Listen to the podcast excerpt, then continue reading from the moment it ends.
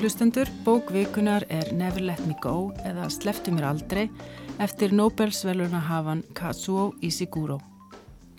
Ishiguro fættist árið 1954 í Japan en fjölskyldans fluttist til Englands þegar hann var 5 ára og telst hann því anskur höfundur. Hann hefur hlotið Ímis velun fyrir verk sín, nú síðast bókmentavelun Nobels, en hann hefur líka meðal annars fengið mann búkervelunin fyrir bókina Dreggjar dagsins sem var íslenskuð af Sigurði A. Magnúsinni árið 1990. Margir hafa eflaust líka sér samnenda kvikmynd sem kom út árið 1993. Elisa Björg Þorstensdóttir hefur svo þýtt fleiri bækur eftir Isiguro í heimi Kviguls ljós, óhugandi, veröld okkar vandalösra og sleftumir aldrei sem er viðfangsefni þessa þáttar. Við skulum heyra aðeins hvað Elisa hefur að segja um þá bók. Sleftumir aldrei er uh, skáltsaga nummer 6 af 7 eftir Kazuo Ishiguro. Engu tíma hef ég verið beðan um að segja hvers konar bók þetta væri uh, og nú er ég ekki hérna, mentaður bókmyndafræðingur en hef nú heyrt getið um nokkrar tegundir bókmynda og ef ég er algjörlega hinskilinn þá er nánast hægt að setja hana í alla flokka. Hún er að vissuleiti og hefur gerna verið kölluð bara reynilega rollveikja, hún er mjög rollveikjandi þegar maður húsar út í það.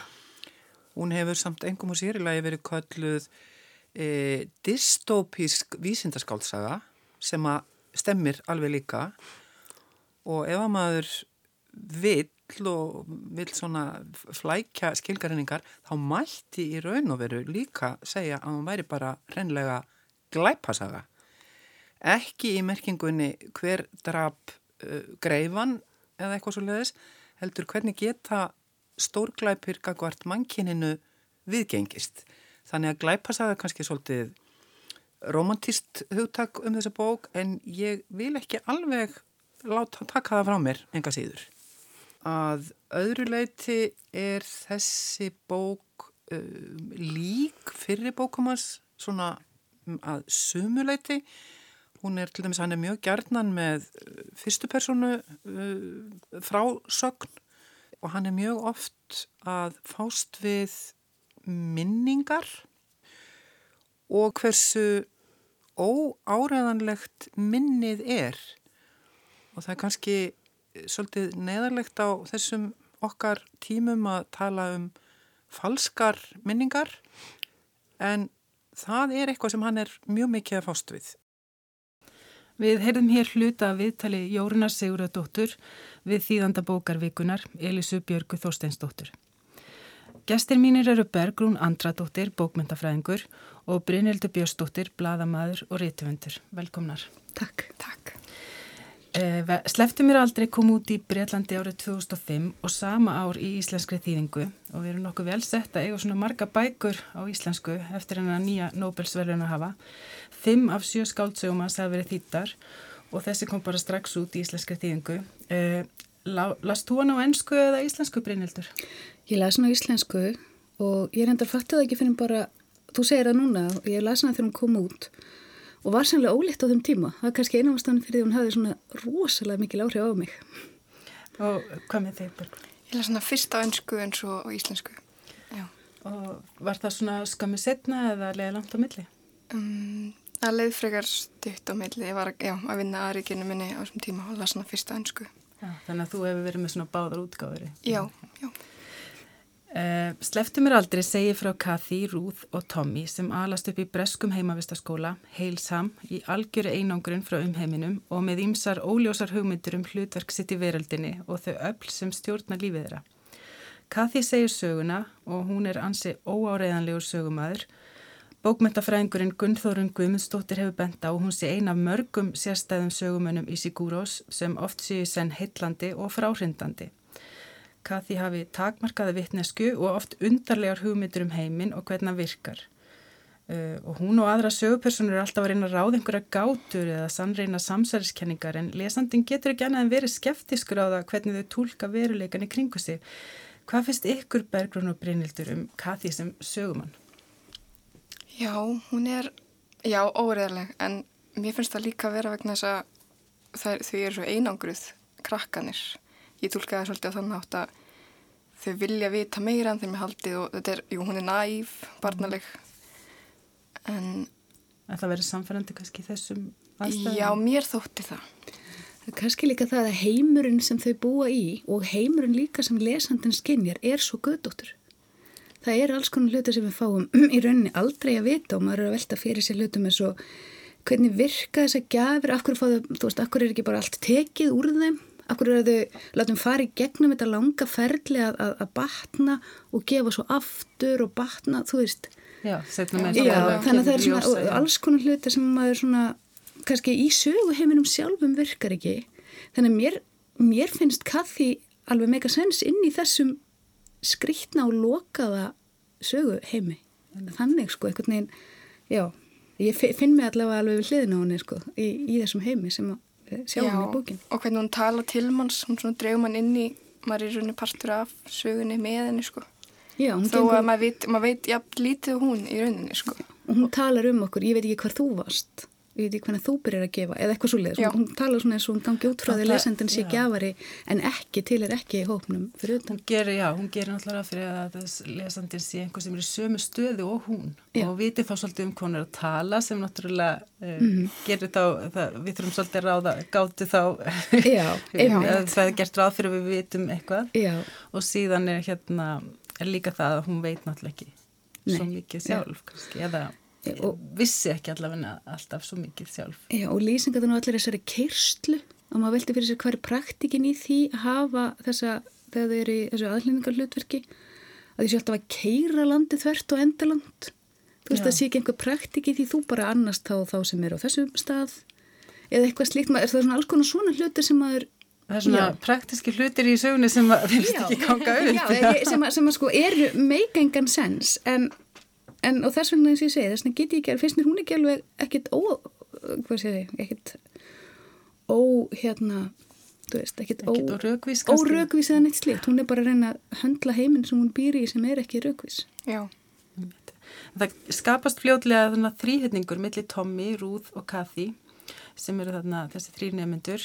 Það verðist vera sérstök tenging á millir Tommy og Kathy en það er enga síður Ruth og Tommy sem byrja svo saman og unglingsárum og sambandi á millir Ruth og Kathy finnst mér þó kannski áhugaverðast. Það er næstum eins og svona sistra sambandi eða millir svona mjög nána, náina vinkunna en millir þeirra er náttúrulega bæði djúbvinnátt áskilningur en það er líka mikil samkeppni, kannski illgirni, alls konar tókstreita undir niðri. Hvernig fannst ykkur bæði persónusköpunin og síðan dýnamikinn á milli persóna?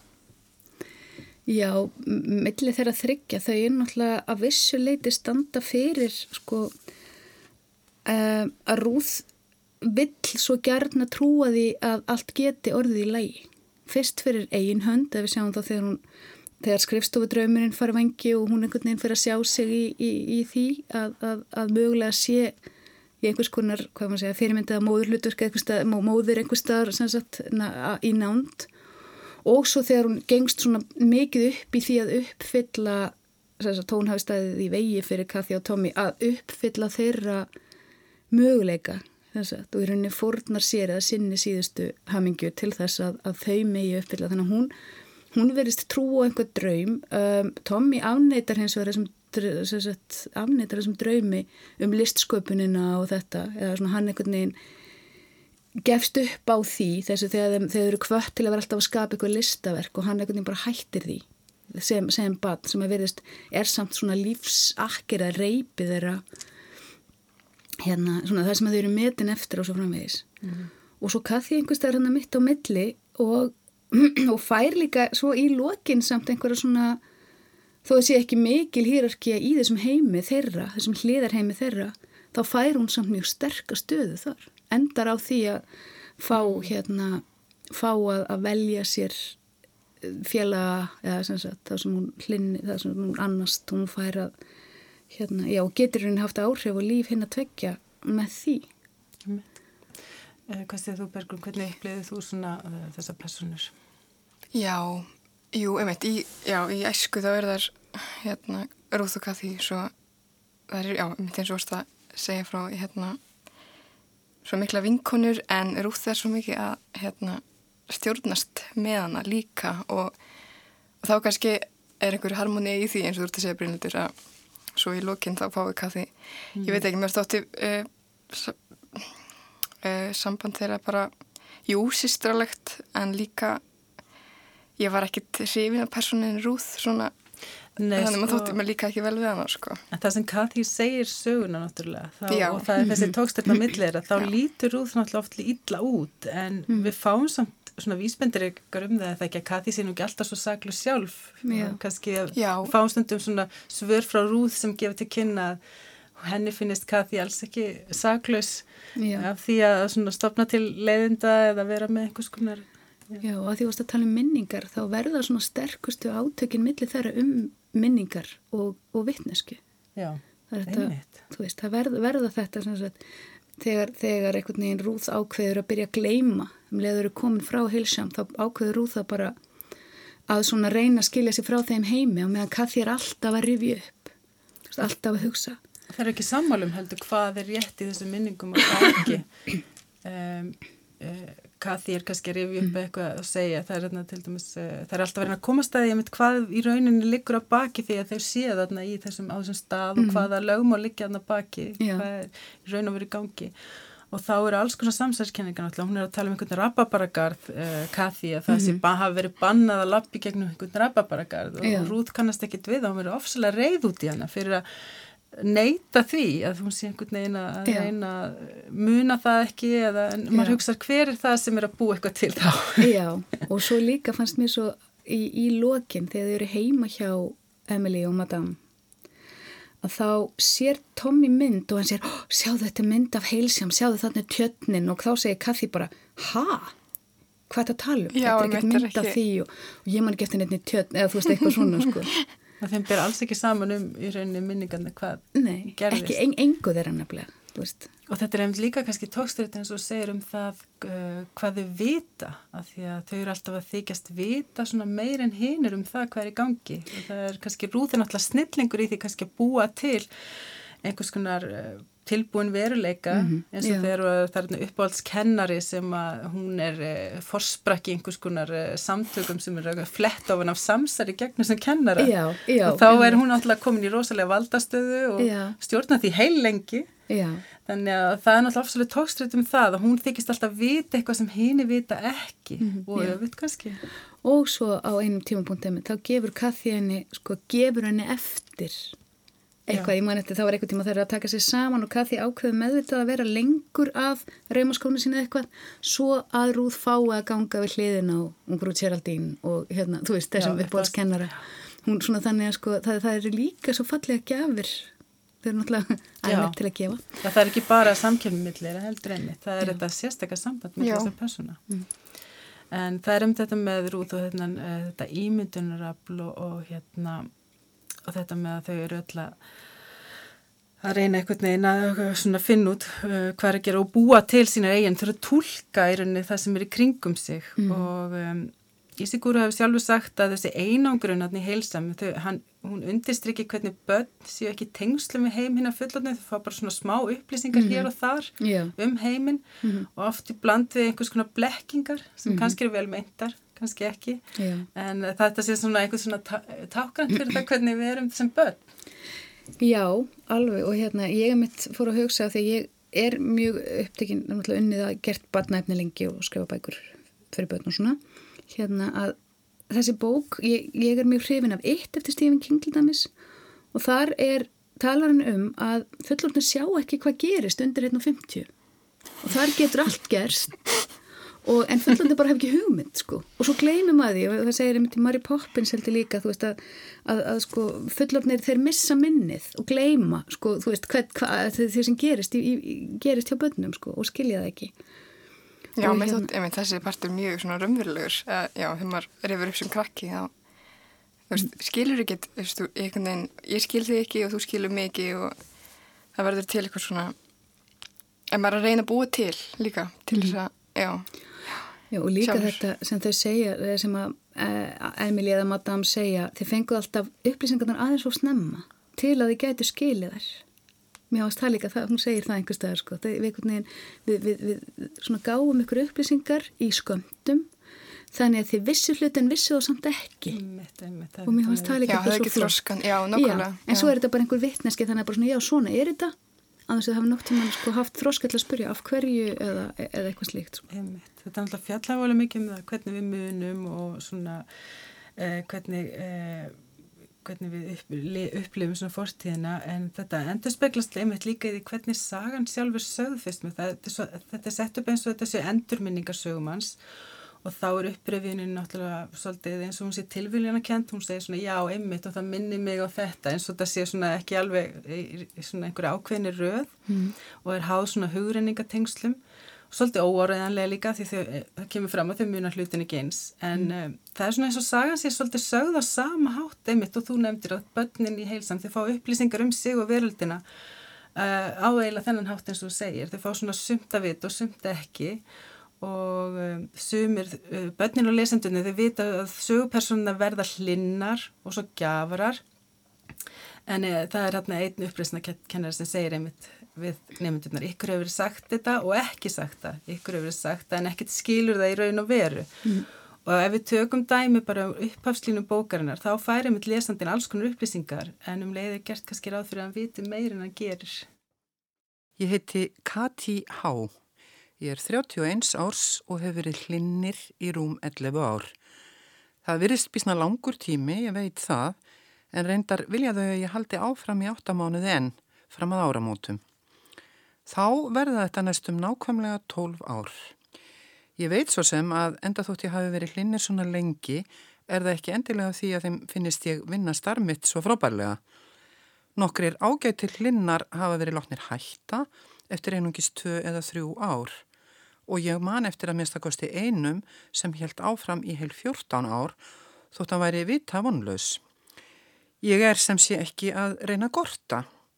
Hins vegar veit ég fyrir víst að þau hafa verið ánægð með mín verk og í meginatriðum hef ég verið að líka. Gjöfurunum mínum hefur yfirleitt reitt mun betur af en búist var við. Þeir hafa verið aðdánarlega fljót til að ná sér og næstum enginn þeirra verið skilgreindur órólegur, ekki einu sinni fyrir fjörðu gjöf. Jæja, gott og vel, kannski er ég að gorta núna. En þetta skiptir mig miklu máli. Að geta leist starmitt vel af hendi, sérstaklega það að gjafararnir mínir séu rólegir. Ég hef þróað með mér ákveðin næmi í sambandi við gjafara. Ég veit hvenar ég á að sitja hjá þeim og hugræsta þá, hvenar er best að láta þá í friði, hvenar á að hlusta á allt sem þeir segja og hvenar á að yfta bara aukslum og segja þeim að hætta þessari vittlisu. Hvað um það? Ég er ekki að setja mig á háan hest. Ég þekki hlinna sem eru alveg jafn góðir og hafa ekki fengið nándarnæri sömu viðurkenningu. Sért þú á meðal þeirra get ég vel skilið að þeir gremjist. Eins herbergis íbúðin mín, bílinn minn, en engum og sérilagi það að ég skul ekki ta valið þá sem ég aðstóða. Og svo var ég nefandi í heilsam, sem er stundum nægilega ástæða til að gera fólki gramt í geði. Við heyrðum hér Elísu Björg Þorsteinsdóttur lesa upp úr þýðingu sinni og sleftu mér aldrei eftir Katsuo Isuguru. Hér er eins og sögumærin uh, Kathy sé að skrifa endurminningar sem aðrir í hennastöðu muni lesa eins og við nefndum. En lesendur eru svolítið í svipari stöðu og börnin í heilsam sem að kannski fá uh, meiri upplýsingar en þau í rauninni ráða við í byrjun. Þannig að þau skilji ekki kannski ekki alveg það sem að uh, það eru upplýsingar sem eru að koma fram en þetta síast svona inn smám saman. Hvernig fannst ykkur þessi hlið á sögunu þetta er svona ákveðin ráðgáttu tilfinning það að vilja uppgöta hvað sé í raun að gerast. Maður er svolítið spenntur að vita til dæmis hvað ekki mér í ljósa endanum og svo framvegist Já, þetta er uh, þetta er svona ráðgáta, já. Og hérna og ég man, sko maður hvað ég varði raunni reið þegar ég komst að salninganum, ég var alveg bara, já mjög reið yfir því þetta væri þetta væri kerfið og ég sá og mitt vöknuði mjög marga spurningar um hvernig þetta færi fram og, og þann, en ráðgátan, jú, hún leysist einhver leiti en svo er eins og og varum að tala um á hann að það er situm allt eftir. Sem að ekki er. Sem að, já, mm. ekki svara Já, einmitt og líka maður hugsaður um það sko hann að því að bókin, mér finnst eitthvað neina tilfinningin er svo að bókin gerist þarna kringum 90 eða eitthvað sliðis Já, hann hefur heimi. hefur hann tímasett sagt sjálfur uh, frá svona 8. áratug síðustu aldar og framóðan 10. Já, einmitt af því að sko af því að það, það er einmitt, það er, það er svo sko ófullkomin vísindi í rauninni á bakvið samt, en, en samt þessi klón og, og hérna já, að því að maður er náttúrulega að fatta, einmitt að finna út sko smám saman hvað er skakt við hennan heim maður byrjar svolítið á því að fara bara inn í einhvern heimavistaskóla, bara einhvern inn í blætón heimavistaskóla, mm. þar sem er einhverju krakkar og eitthvað svona, og svo smám saman koma og upplýsingarna sem við fáum, við fáum aldrei bara, við erum klón og við erum að gefa lífæri spoiler fyrir ekki. Það er nú heiminn það sem ég ætla að koma næst. Þetta, þetta er náttúrulega þetta er náttúrulega ekki framtíðarsaga. Þetta er einhvers konar hliðstæður veruleiki því þetta gerist í rauninni í fortíðinni. Um, en það kemur náttúrulega smám saman sín í ljós að sögupersonar og öll börnin í heilsami eru klón og þau verður mhm. búin til í þeim tilgangi að gefa venjulegu fólki lífærin sín þegar þau verða fullorðin þanga til þau bara deyja, mjög ung. Mm. Og Bergrún, þú skrifaði lokaritger í Háskóli Íslands um þessa liðsögunar, ekki satt? Já, og um, gerir það undir liðsögun Úlvildar Dagstóttur. Uh, ég skoða svolítið í rauninni, sko, já, ef þetta er hlýstaður veruleiki, ég var svolítið gangið út frá því kannski að, að hérna, að því að, að, e, við fáum þar upplýsingar í bókinni að þetta, þessar tækniframfari hafi orðið komið fram eftir stríð á sjötta áratöknum og ég tengdi það við í rauninni mannkynsöguna og þessar framfærir sem að það er eitthvað til DNA og, og hérna svo náttúrulega er klón, klónin hérna kynntarinn á Dolly hérna 96 eða eitthvað. Mm. gatt svona eða reyndi að setja þetta í eitthvað svona svoleiði samengi og rauninni velta fyrir mér sko siðferðinu á bakvið bakvið það. Mm Já, hérna. Já, ég, ef ég má eins þannig að ég las einmitt á þetta leiti 92 þá las ég sögur sem hafa verið einmitt að gríðilega áhrif á mig sem hétt Those Who Walk Away From Omelas og er eftir úrsölu Ginn og þetta er bara svona smásaga og það er líst sko hérna það er líst henni fullkomnu borg. Það er sumadaginu fyrsti og það er allt ásamlegt og það er líst bæði stjórnkerfi og það er líst eitthvað hvernig hérna líst í svona bara dásamleiri borg og öllum líður svo vel og það er allir svo hamingisamir og, og bara þú veist og það er fullkomið stjórnkerfi, fólk einhvern veginn þarf ekkert yfirvalda því það bara er allir svo góði við hverjan og svona. Nema svo fylgjum við hérna einhverjum hóp sem fer niður í svona undirgung undir borginni og, og sannsagt, eða niður svona steg og niður í kjallara og inn í kessum kjallara er lítið pínlítið þróskaheft vannrægt barn í gríðalegri vanlíðan. Og allir bæjarbúar fara öðru kvoru og horfa á badnið og fylgjast með þessu badni og vita, og það er náttúrulega fantasíelementi í þessari sögu, vita það að öll velíðan og öll velmegum borgarinnar kvílir á þessu barni. Og, og svo er spurt spurningarinnar sko hvernig getur fólk lifa með þessari vittnesku og svarið er bara sumir geta og þeir geta ekki. Og þeir sem geta ekki þeir ganga frá borginu og engin veit hvert því þetta er rauninni borginu svona lokaður heimur. Og ég hérna það, það er náttúrulega þessar spurninga um sko siðferðið og líðanina með þetta og, og, og, og lýsingin á því hvernig matam upplýlega yfir þau hún svona verður á svipin eins og hún sé að sá reysa kongular mm -hmm.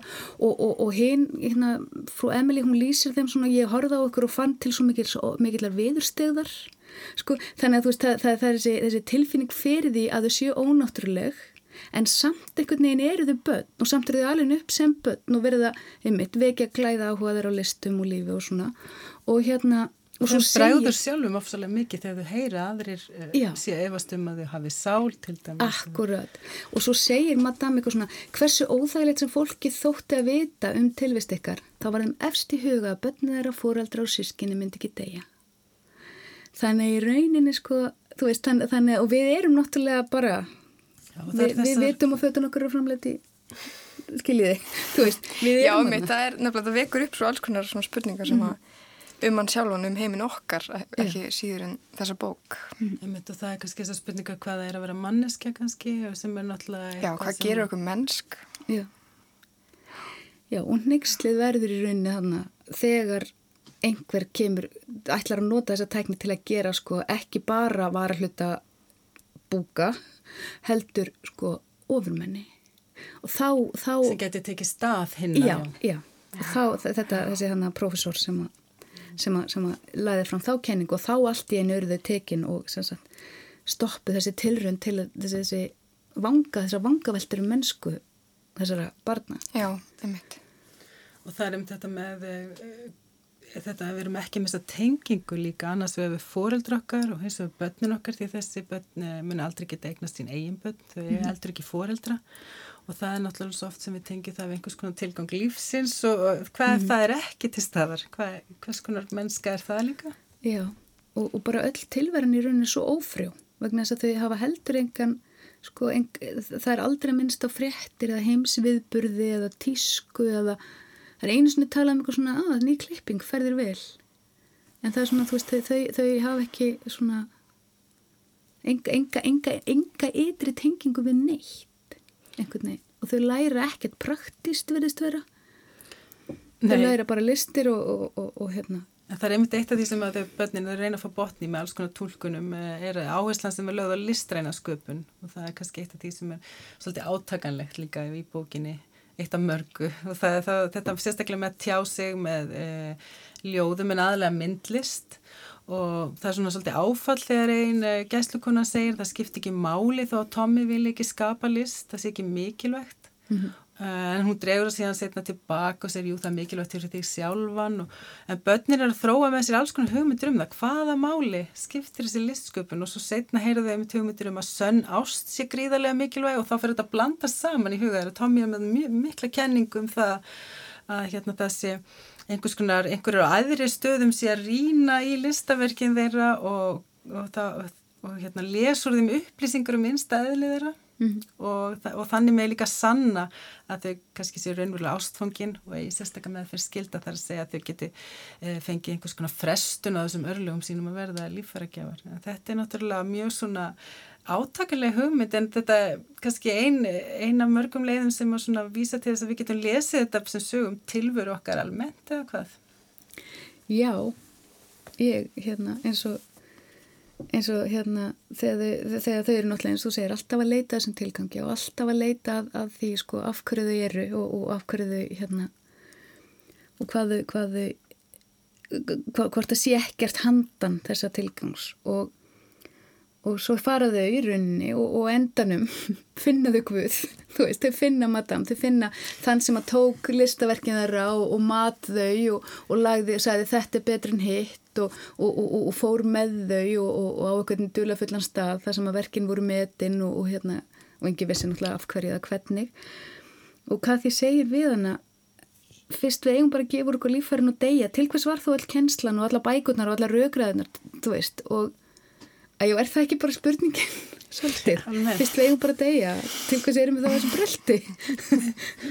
og það er, er, er, er við ekki alltaf að reyna að tólka allt sem gerist í kringum okkur? Og maður fyrir að spyrja sjálf er ekki okkar tólkanir á gildi listarinnar, gildi ástarinnar og allt þetta er þau mm -hmm. kannski álíka gáfilegt að það sem þau eru að velta fyrir sér já, og lifta, lift, lift okkur upp úr.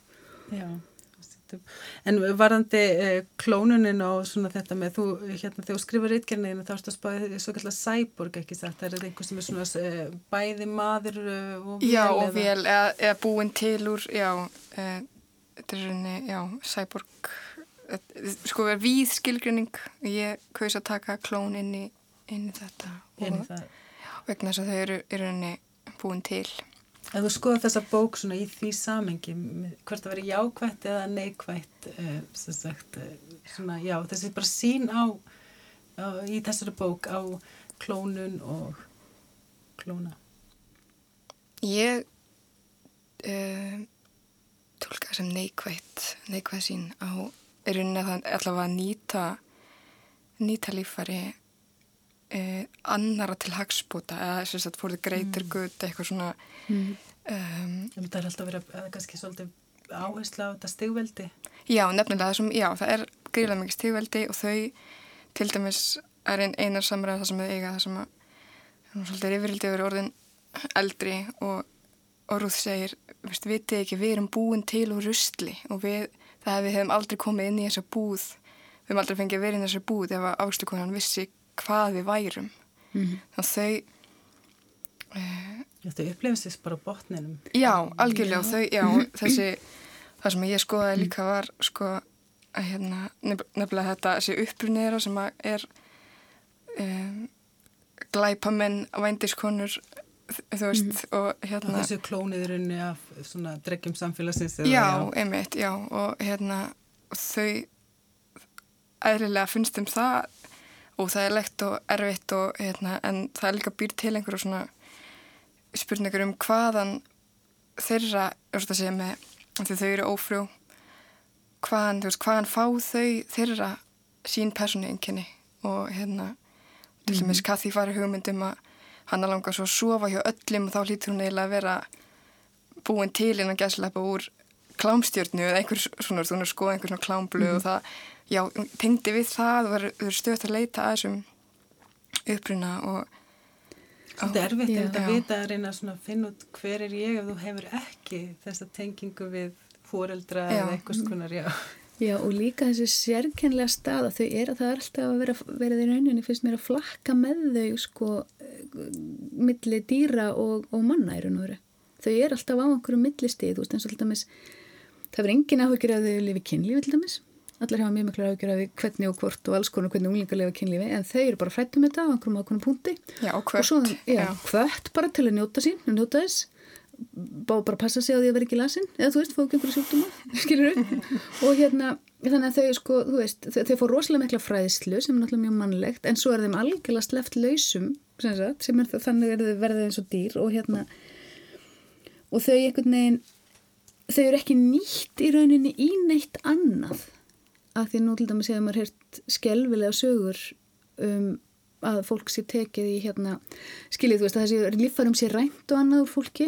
Og það verist ekkert vera sko farið inn eitt manngrannálit í því. Þannig í rauninni hefur til dæmis þessi börn getur verið að vinna í versmiðu með eitthvað svoleiðis. Mm. en þau verist að þau eru ekki nýtt til neins utan. Þau hafa enga tengingu utan síns eigin heims. Það er náttúrulega kannski hluta því að þessu kemur í ljós að þessi skóli var kannski tilrönaverkefni og það verið Eh, það er náttúrulega enn einn svona siðferðislega spurningin við komumst að því að þau eh, skólinn sjálfur er, sprettur upp á hugsunabarð ákveðins hóp sem vil sanna að þessi klónar hafi sál og þá náttúrulega hugsa maður til þessi gegnum tíðina hversu oft menn hafa einhvern veginn enda haldaði fram ákveðnur hópar hafi ekki sál, mm. konur hafi ekki sál eða einhverjir sem þú vilt kúa mm. og þannig að það á náttúrulega kannski komum við enn einni svona samfélagsleiri ádeilu en eh, bókin er mjög áhrifmikil eins og nefndir hún hafði mikil áhrifu á þig Brynildur mm. og það tekst að skapa mjög ángurvara stemmingu. Hvernig svona fannst ykkur uh, eftir fyrsta lestur, þú sagðir hún hefði hattur gríðarlega áhrif á þig, mm. hvað með þig Bergrún var?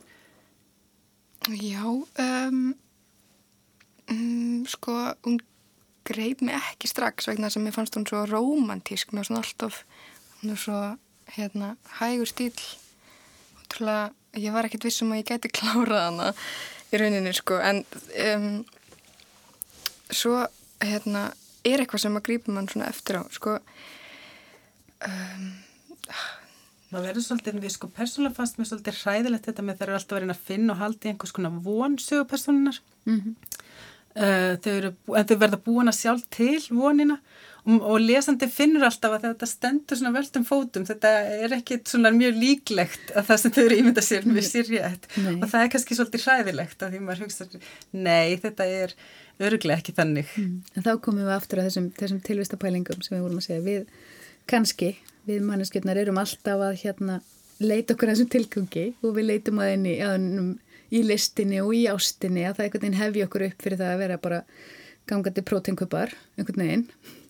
Og, og, og þess vegna fannst mér svo magna þegar Emily, umhverju Emily segir við þau, sko, veist, þegar hún er að segja já, já, heyrðu þið þetta líka með ástin geti bjarga einhverju ástfungnu pari, veist þau geti fengið að lifa lengur og eitthvað svona og svo segir hún, ég veit ekki hvaðan þessi orðum að kemur en ég held að það sé búin til frá grunni aftur og aftur, þannig að, að þetta er eitthvað svona sem að sem, að, sem, að, sem er einhvern veginn innprentað bara að leita, leita þessa tilgangs og, og leita í ástina að svörum eða listina að einhverjum svörum um tilgang sko. Eh, svona að lókum þá um, langar maður aðeins að tala um titilinn Sleftu mér aldrei. Þetta er lag sem að Kathy hlustar á aftur og aftur hún um, ávera með söngkuninu Judy Bridgewater sem ég fór náttúrulega að leita að og er uppspunni í Sigurós en uh, titillin getur vísa til svo margra atri í verkinu fyrir mér fast, vildi ég tengja þetta svolítið mikið við dýnamíkinu á milli þessar að þryggja þau eru, og eins og gerist kannski á skóla árum að myndar einhver tengsl mm -hmm.